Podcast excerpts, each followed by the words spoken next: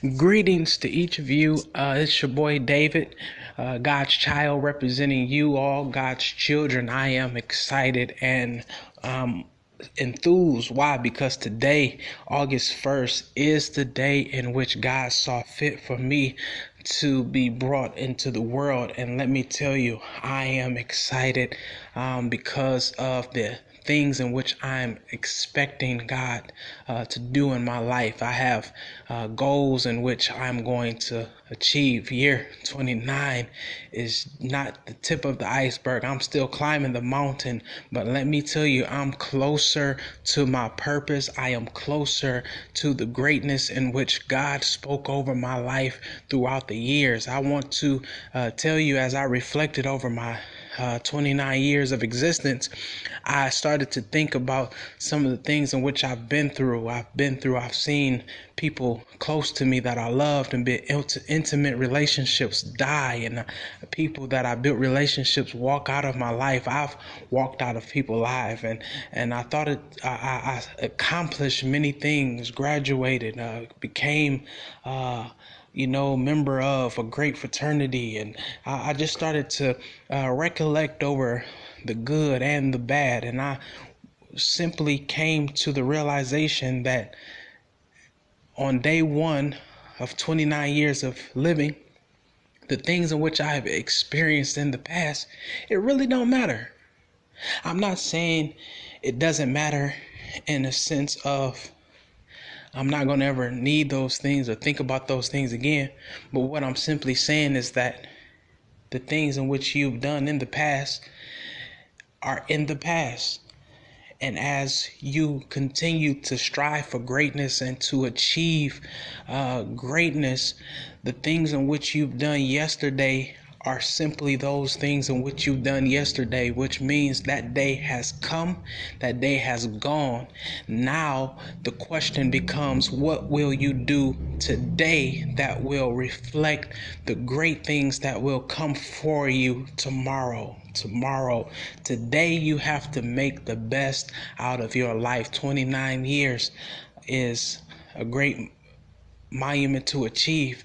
But the reality is for me, I still got great work to do. I still am expecting God to do some great things in my life. I'm still hoping for God to do some wonderful and miraculous works within my life. I have some great goals that are before me that I still want to put my hands on. I want to do some wonderful things.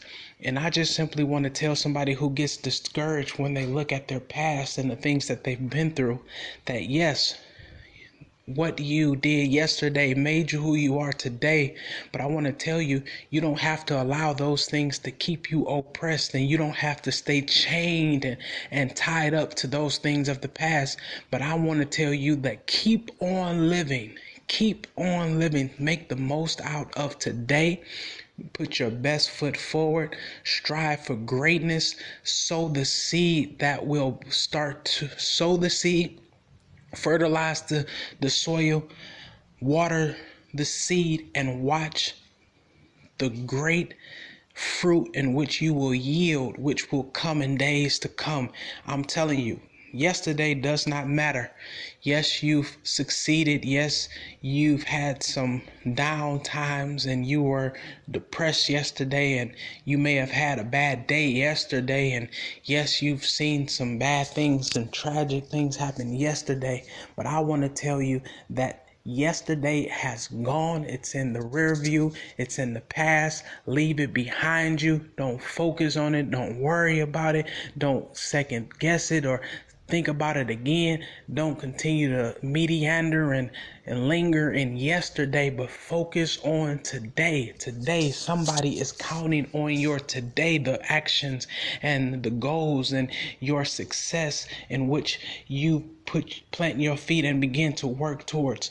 Uh, somebody is waiting on your works for today in order for you to get to the top of the mountain, you have to put your best foot forward. You Today, today, today, today, today, stop looking behind you and press towards the mark of the high calling which is in Christ Jesus. Continue and trust that God, He who began a great work in you, will finish that work into the day of our Lord and Savior Jesus Christ. Keep working for the future. Don't meander in yesterday's sorrows, yesterday's limitations, and don't lament in yesterday and more.